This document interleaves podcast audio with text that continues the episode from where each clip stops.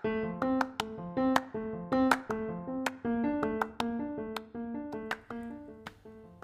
cek, cek. Oke, ketemu lagi dengan saya Ari Rahmat Riyadi. Pada kesempatan ini, ini adalah bagian dari pendahuluan untuk mempelajari rangkaian modul dalam perkuliahan terkait dengan penulisan karya ilmiah dan publikasi. Anda akan diajak untuk memahami latar belakang dan urgensi bagaimana anda akan terlibat di dalam pengembangan penulisan karya ilmiah dan publikasi. Selamat menyimak.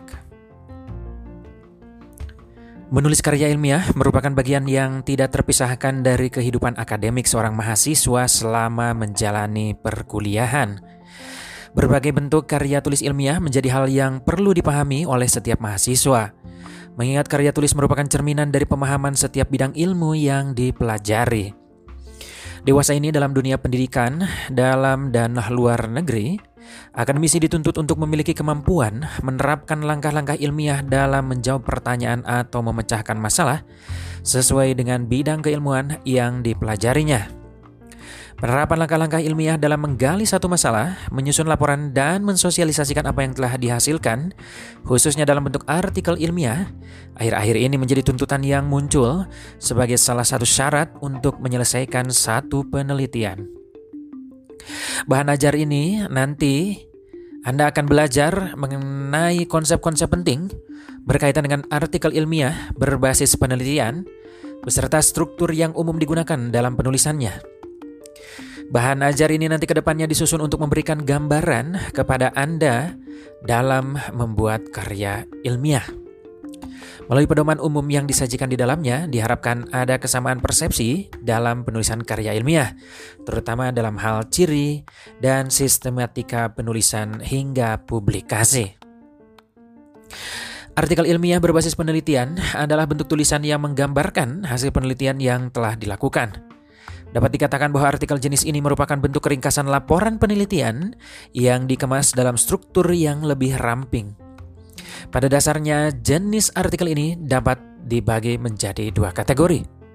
Yang pertama adalah artikel yang berisi tinjauan pustaka dan artikel yang berisi ringkasan hasil penelitian yang telah dilakukan oleh peneliti atau penulis secara langsung. Pada dasarnya penyusunan artikel ilmiah secara sistematis cenderung mengikuti pola yang sama. Kecuali artikel berbasis literatur, sebagian besar artikel dan jurnal ilmiah yang melaporkan hasil penelitian yang ditulis dalam bahasa Inggris cenderung mengikuti pola IMRAD. Sebuah akronim mulai dari huruf A, abstrak, I, introduction atau pendahuluan, M, method atau metode, R result atau hasil, E itu N dan dan terakhir huruf D adalah discussion atau diskusi. Kemudian variasinya mungkin ada simpulan dan rekomendasi. Jika diadaptasi ke dalam bahasa Indonesia secara langsung, pola ini kurang lebih menjadi APMTEP. Abstrak pendahuluan metode penelitian, temuan, dan pembahasan. Bagian yang umum muncul setelah pembahasan adalah kesimpulan, rekomendasi, atau implikasi hasil penelitian. Untuk meringkas lebih jauh secara skematik, ada perbandingan struktur umum artikel ilmiah berbasis penelitian dan artikel ilmiah berbasis kajian pustaka. Artikel ilmiah berbasis penelitian diawali dengan abstrak, dilanjutkan dengan pendahuluan, diikuti dengan metode penelitian, lalu bagian 4 temuan penelitian dan pembahasan. Yang keenam diakhiri oleh simpulan rekomendasi dan implikasi. Namun demikian, artikel berbasis kajian pustaka diawali dengan abstrak sama seperti berbasis penelitian, juga dilanjutkan dengan pendahuluan, namun pada bagian berikutnya dibicarakan terkait dengan konsep A, konsep B, konsep C, dan seterusnya hingga diakhiri oleh kesimpulan, rekomendasi, dan implikasi. Untuk artikel yang menyajikan hasil penelusuran kepustakaan, sistematika umumnya diikuti adalah penulisan abstrak, yaitu pendahuluan, metode, kemudian bagian temuan dan pembahasan, diganti dengan pokok-pokok atau konsep-konsep teoretik hasil penelusuran kepustakaan yang telah dilakukan. Bagian ini dapat dibagi lagi menjadi beberapa subbagian Di antara yang lain adalah subbagian sesuai dengan kompleksitas topik yang dibahas dalam artikel yang ditulis. Anda semua ke depan akan belajar dari mulai pengertian dan sistematika umum artikel ilmiah, kemudian lanjutkan dengan strategi memilih jurnal untuk referensi, Kemudian dalam teknis penulisan, kita akan bahas tentang pendahuluan kajian pustaka, rumusan masalah, dan tujuan penelitian.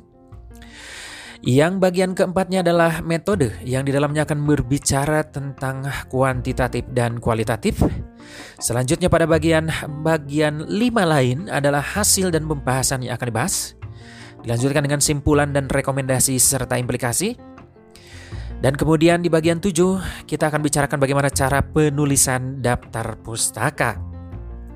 Yang berikutnya adalah similarity check atau uji plagiarisme. Kemudian kita akan belajar di Indonesia ini ada indeksisasi Sinta. Kemudian penggunaan referensi tools yang kita gunakan adalah Mendeley. Kemudian kita akan memanfaatkan bagaimana fasilitas Google dalam bentuk Scholar atau Google Scholar. Yang berikutnya lebih internasional, kita akan mempelajari tentang skema GoJR. Kemudian untuk translasi bahasa Inggris, kita akan gunakan Grammarly. Dan yang terakhir, tentu saja Publish or Perish atau POP. Semoga perkuliahannya akan Anda ikuti bermanfaat bagi kemampuan Anda dalam penulisan karya ilmiah dan publikasi. Semoga bermanfaat. Bersama saya Ari Rahmat Riyadi, selamat belajar lebih dalam.